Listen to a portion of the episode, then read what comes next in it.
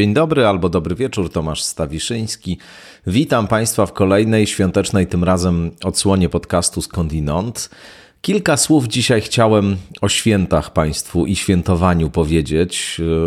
Ten czas jest bardzo specyficzny, no i oczywiście mnóstwo zawsze przy tej okazji jest dyskusji, kto ma prawo moralne oraz wszelkie inne do tego, żeby święta obchodzić, a kto tego prawa nie ma czy wierzący mogą, czy nie mogą, czy kiedy oni święto obchodzą, to jest to jakaś hipokryzja straszliwa i spłaszczanie tego głębokiego religijnego sensu tych dni, czy też nic z tych rzeczy. No więc ja stoję na stanowisku, że nic z tych rzeczy i zdecydowanie wszystkich do świętowania takiego, jakie się im podoba, jakie się Wam podoba, jakie się nam podoba, zachęcam. Nikt doprawdy nie może nam tutaj narzucać e, jakiegokolwiek rozwiązania, bo i święta, i ta świąteczna symbolika są po prostu własnością nas wszystkich. Wszyscy mamy prawo robić e, z tą tradycją, z tym świętem, właśnie z tym czasem, to co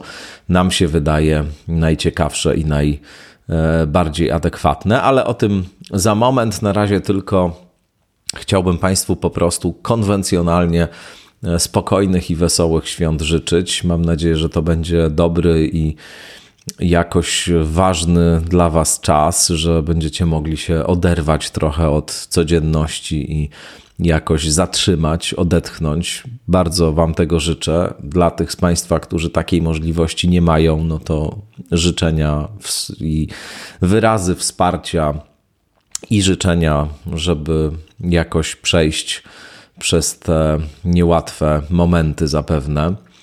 No i cóż, dzięki raz jeszcze dla wszystkich subskrybentek, subskrybentów, patronek, patronów za to wasze niesamowite wsparcie dla Skądinąd, trwające już cały rok. Dzięki za 2022. E, dużo żeśmy tutaj się spotykali, no i myślę, że sporo ciekawych było rozmów i myśli. Mam nadzieję, że ten podcast jakoś był Wam przydatny, że Wam towarzyszył w różnych ważnych momentach, że jakoś odnajdywaliście w nim treści ciekawe i e, inspirujące. To jest mm, wielka moja nadzieja, że tak właśnie jest. No i cóż, słyszymy się dopiero w 2023, no bo w przyszłą niedzielę, 1 stycznia, kolejny odcinek skądinąd. Zatem też życzę Wam wspaniałego tego kolejnego roku, no i tej zabawy, tego przejścia specyficznego, kalendarzowego e, w przyszłą sobotę. Mm, to jest oczywiście w dużym stopniu konwencja, no bo ta rytmika świata przyrody niekoniecznie, albo właściwie zazwyczaj nie odzwierciedla się w rytmice naszego życia. Te skokowe zmiany, które chcielibyśmy e, widzieć e, w naszym życiu, nie zachodzą zazwyczaj w taki sposób, choć podpowiada taką skokowość zmiana kalendarzowa, właśnie. No ale zazwyczaj 1 stycznia to kontinuum tego, co było wcześniej, a nie jakieś wielkie jakościowe zerwanie. Niemniej to jest istotny, specyficzny czas w roku. Coś się wydarza w świecie dookoła, coś się wydarza w przyrodzie, coś się wydarza w kosmosie wtedy. No więc te chwile, takie transformacje, one jak najbardziej mogą występować w towarzystwie różnych szczególnych okoliczności. No i dlatego świętujemy na różne sposoby także ten moment przejścia, więc szampańskiej zabawy od razu E, w tamtym czasie przyszłym za tydzień Wam życzę. No i dziękuję raz jeszcze za to całe wsparcie. Dzięki też dla firmy Strategy Wise, która dołączyła do wsparcia na Patronite właśnie w minionym roku. No i wszystkim Wam jeszcze raz wszystkiego najlepszego, a teraz zapraszam jeszcze na kilka refleksji wokół świąt i świętowania.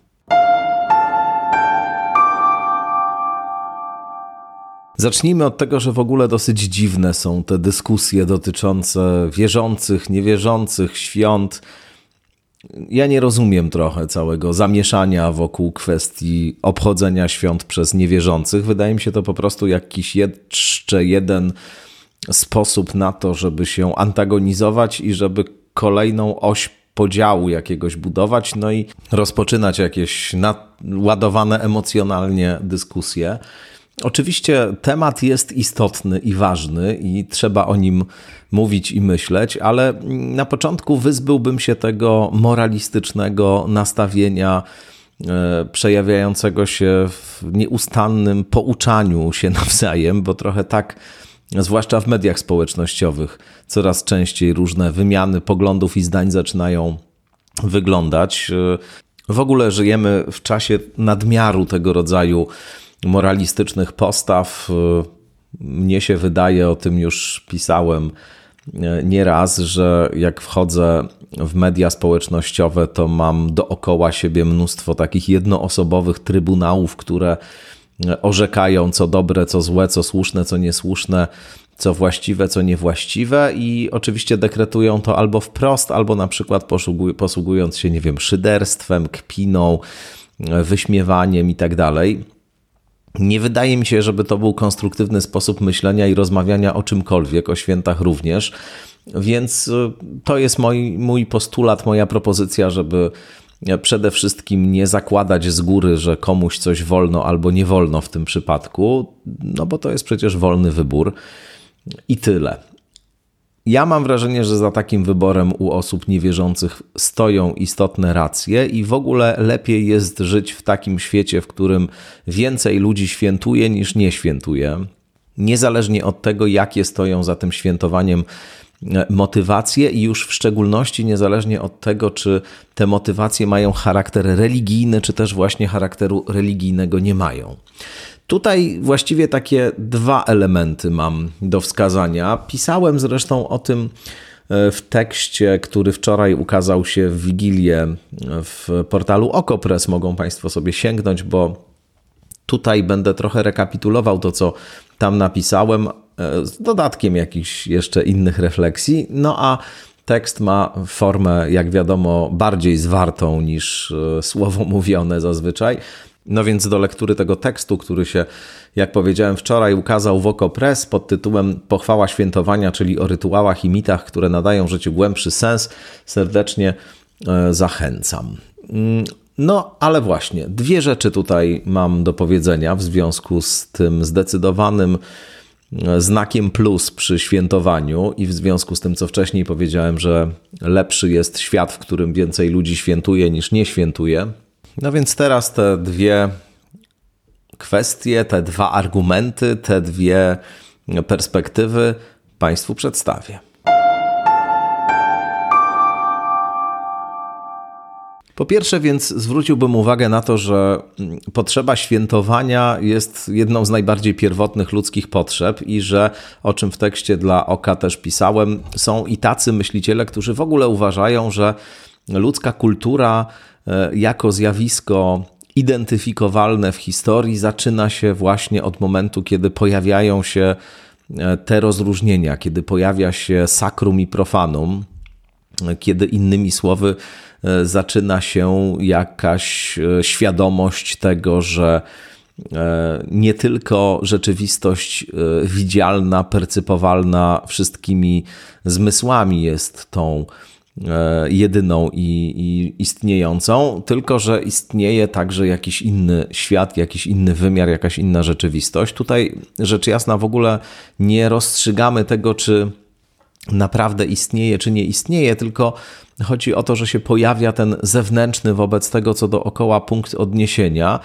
e, że jakaś inna perspektywa mitu, właśnie czasu świętego, e, jakiejś formy, E, pierwotnej, w odniesieniu do e, której możemy e, inaczej spojrzeć na naszą doraźną, codzienną egzystencję, że, że to jest taki właściwy początek historii kultury, historii cywilizacji. No i że oczywiście sakrum, czy w ogóle rytuał, święty czas, odniesienie do tego, do tej rzeczywistości, poza rzeczywistością widzialną, spełnia bardzo intensywną, kulturotwórczą, wspólnototwórczą, no i też psychologiczną rolę. Jest mianowicie e, gwarantem stabilności struktury społecznej, jest źródłem legitymizacji reguł życia społecznego, jest również jakąś stabilną strukturą, stabilną formą, do której E, można się odnieść, jest wreszcie źródłem sensu, sensu głębszego niż właśnie ten wyłącznie zaprogramowany biologicznie czy ewolucyjnie, polegający na reprodukowaniu gatunku. Tu mm, zdarzenia e, życia codziennego, właśnie, tu e, niekiedy zwykłe czynności nabierają zupełnie innego sensu i znaczenia. No i to jest rzeczywiście coś takiego, co E, istnieje nieprzerwanie w, we wszystkich kulturach chyba.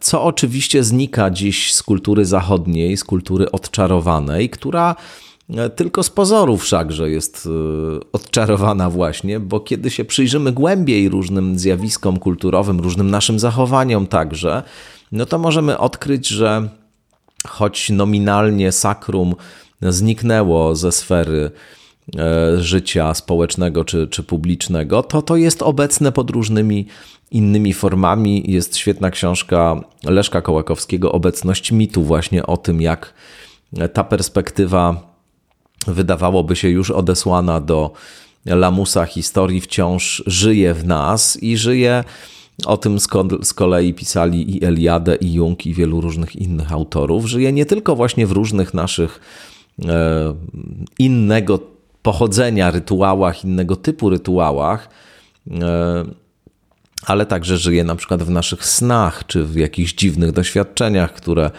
miewamy, i to jest rzeczywiście ten wymiar, który pozwala inaczej spojrzeć na to przekonanie, że jesteśmy istotami racjonalnymi i że jakiś rodzaj dekonstrukcji religii, religijności sprawił, że w ogóle przestaliśmy świat w ten sposób postrzegać i percypować. To jest nieprawda. Postrzegamy go dalej również przez okulary, przez pryzmat mitu, tylko często w ogóle e, nie zdajemy sobie z tego sprawy, że zachowujemy się jakbyśmy byli ludźmi religijnymi, albo że nasze poszukiwania czy tęsknota, którą odczuwamy za jakimś doświadczeniem, za jakimś przeżyciem, no właśnie ma taką religijną komponentę. Najbardziej oczywistym, takim klasycznym przykładem są tutaj e, i eksperymenty z narkotykami i innymi substancjami zmieniającymi świadomość, które dają głębokie doświadczenie. E, albo sakrum, w przypadku psychodelików to często się zdarza, skądinąd hurra optymizm dotyczący tych substancji i takie propagowane, moim zdaniem dość nieodpowiedzialnie przez niektóre osoby, przekonanie, że one stanowią panaceum na wszystko i nie wiąże się z ich przyjmowaniem żadne zagrożenie, no jest właśnie czymś bardzo niepokojącym i sami sami e, prominentni naukowcy zajmujący się psychodelikami również na to z niepokojem patrzą, ale to jest jakby inny w ogóle temat no, e, psychodeliki, ale także różne inne substancje zmieniające świadomość, które pozwalają na to, żeby się w sposób taki całkowity wyłączyć z codzienności, wyłączyć z tego rytmu codziennego życia, zwrócić się w, w jakąś inną stronę, ku jakiejś innej rzeczywistości, ku czemuś, co nieznane, tajemnicze. Bardzo często wiąże się to także z takim wyłączeniem indywidualnej świadomości niejako, właśnie w doświadczeniach narkotycznych, często w doświadczeniach związanych z nadużywaniem alkoholu, ten wymiar takiego ekstatycznego wyłączania subiektywności jest niezwykle istotny i to skądinąd Carl Gustav Jung jako pierwszy, później z tego zaczęli korzystać również anonimowi alkoholicy, zwrócił uwagę na ten rodzaj specyficznego doświadczenia, które gdzieś tam u podstaw być może e, tej, e, tej nieopanowanej potrzeby e, nadużywania alkoholu występuje. Ta, ta potrzeba czegoś więcej, doświadczenia transcendencji, później w programach anonimowych alkoholików odzwierciedliła się właśnie w jednym w, w, w, tych, w tym programie 12 kroków, no ale też obydwaj założyciele tej, e, tego ruchu e, pod wpływem e, tych idei niewątpliwie byli i rozumieli, że alternatywa dla tego rodzaju doświadczenia, no to musi być naprawdę poważna alternatywa dla uzależnienia, dla takiego właśnie destrukcyjnego nałogu. No i stąd te odwołania do transcendencji, czy jakiejś siły przekraczającej jednostkowe ego, kontrowersyjne też skądinąd dla, dla wielu, ale jak powiadam, nie będziemy teraz na ten temat mówić, no bo to jest tylko jeden z wielu przykładów tego, że my na różne sposoby, niekiedy właśnie patologiczne, dzisiaj poszukujemy świętości.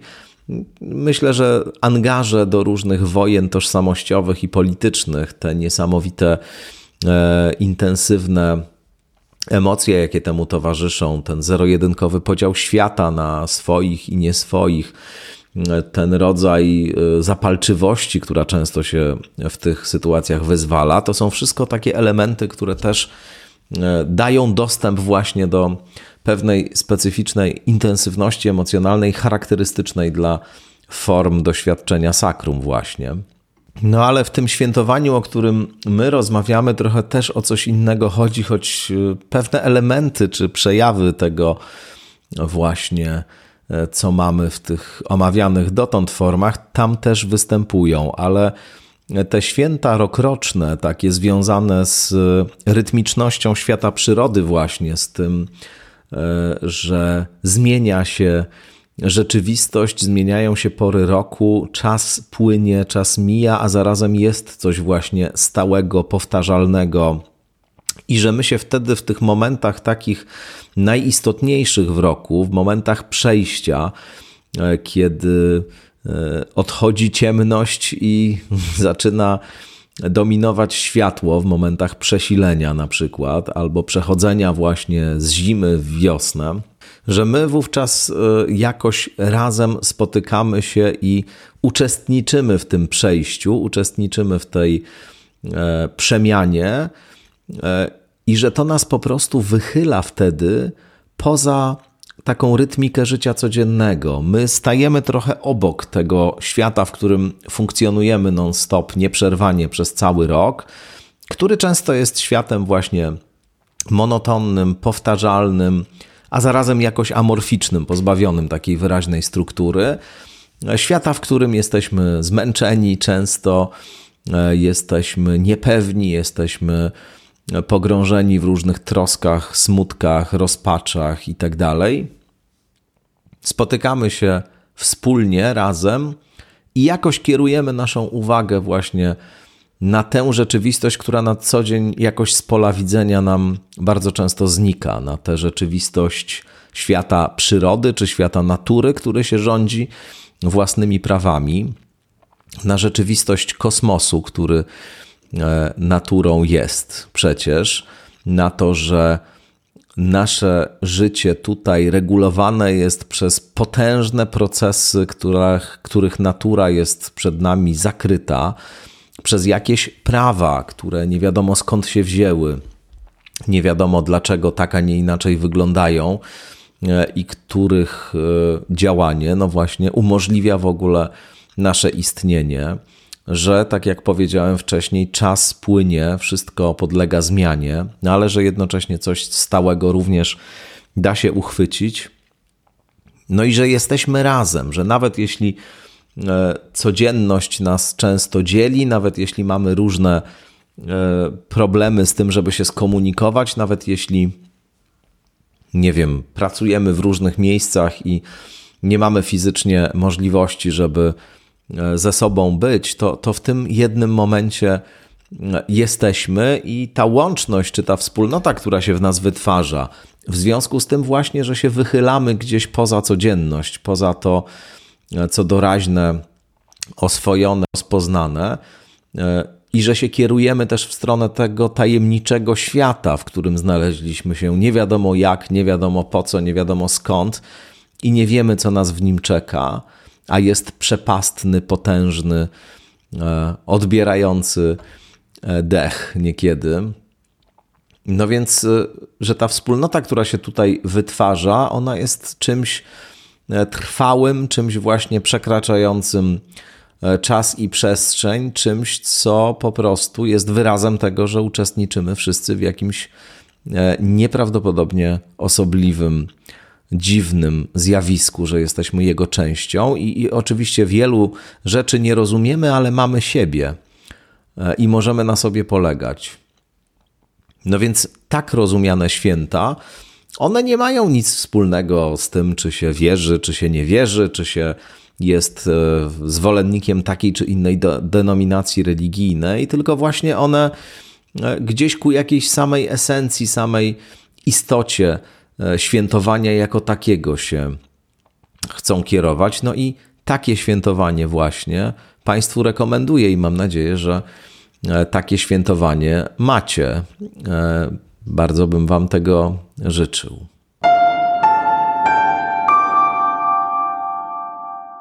To jest, jak powiedziałem, zupełnie niezależne od tego, czy ktoś wierzy, czy nie wierzy.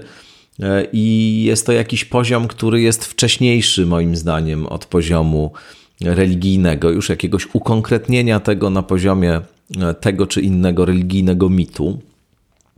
Natomiast e, jest jeszcze jedna rzecz, na którą warto tutaj zwrócić uwagę i która też godna jest moim zdaniem podkreślenia. Mianowicie naprawdę symbolika religijna, symbolika chrześcijańska nie tylko chrześcijańska, ona nie jest zarezerwowana wyłącznie dla przedstawicieli takich czy innych instytucji religijnych. Ona nie jest tylko i wyłącznie własnością tych, którzy mienią się jej dysponentami czy strażnikami takich bądź innych form jej e, realizacji czy rozumienia. Ona jest częścią uniwersalnego ludzkiego dziedzictwa kulturowego i każdy z nas ma prawo w taki sposób, jaki mu wydaje się stosowny, ją rozumieć i z niej korzystać. Tak jak z każdego innego powszechnego, uniwersalnego ludzkiego dziedzictwa. I dlatego wydaje mi się, że e, tego typu dyskusje, odbieranie niewierzącym prawa do świętowania, no poza tym, co wcześniej powiedziałem, E, także i z tego powodu jest pozbawione zasadności. No bo ostatecznie, e, któż e, może nam reglamentować takie czy inne rozumienie tej symboliki? Któż może nam dyktować, jak mamy do pewnej mitologii bardzo ważnej w tej kulturze się odnosić? Nikt, w moim przekonaniu. No to tyle moich e, świątecznych, okołoświątecznych refleksji o świętach i świętowaniu. To tylko kilka takich dosłownie uwag w tych dniach. Nie chcę Państwu tutaj zanadto się nad tym wszystkim rozwodzić, bo może właśnie ku czemuś innemu lepiej się zwrócić, ku jakiejś tajemnicy świata i tego wszystkiego, co dookoła no i ku innym oczywiście, ku bliskim, nawet jeśli fizycznie ich nie ma, bo są daleko albo nie żyją, to wtedy ku jakiemuś obrazowi ich, który mamy w duszy, też warto się skierować, myślę. Raz jeszcze wszystkiego dobrego Państwu życzę, spokojnych świąt. No i cóż, wkraczamy w kolejny rok z podcastem Skądinąd, z czego się bardzo cieszę. No po prostu bardzo się cieszę, że jesteście ze mną. Wszystkiego dobrego i do usłyszenia.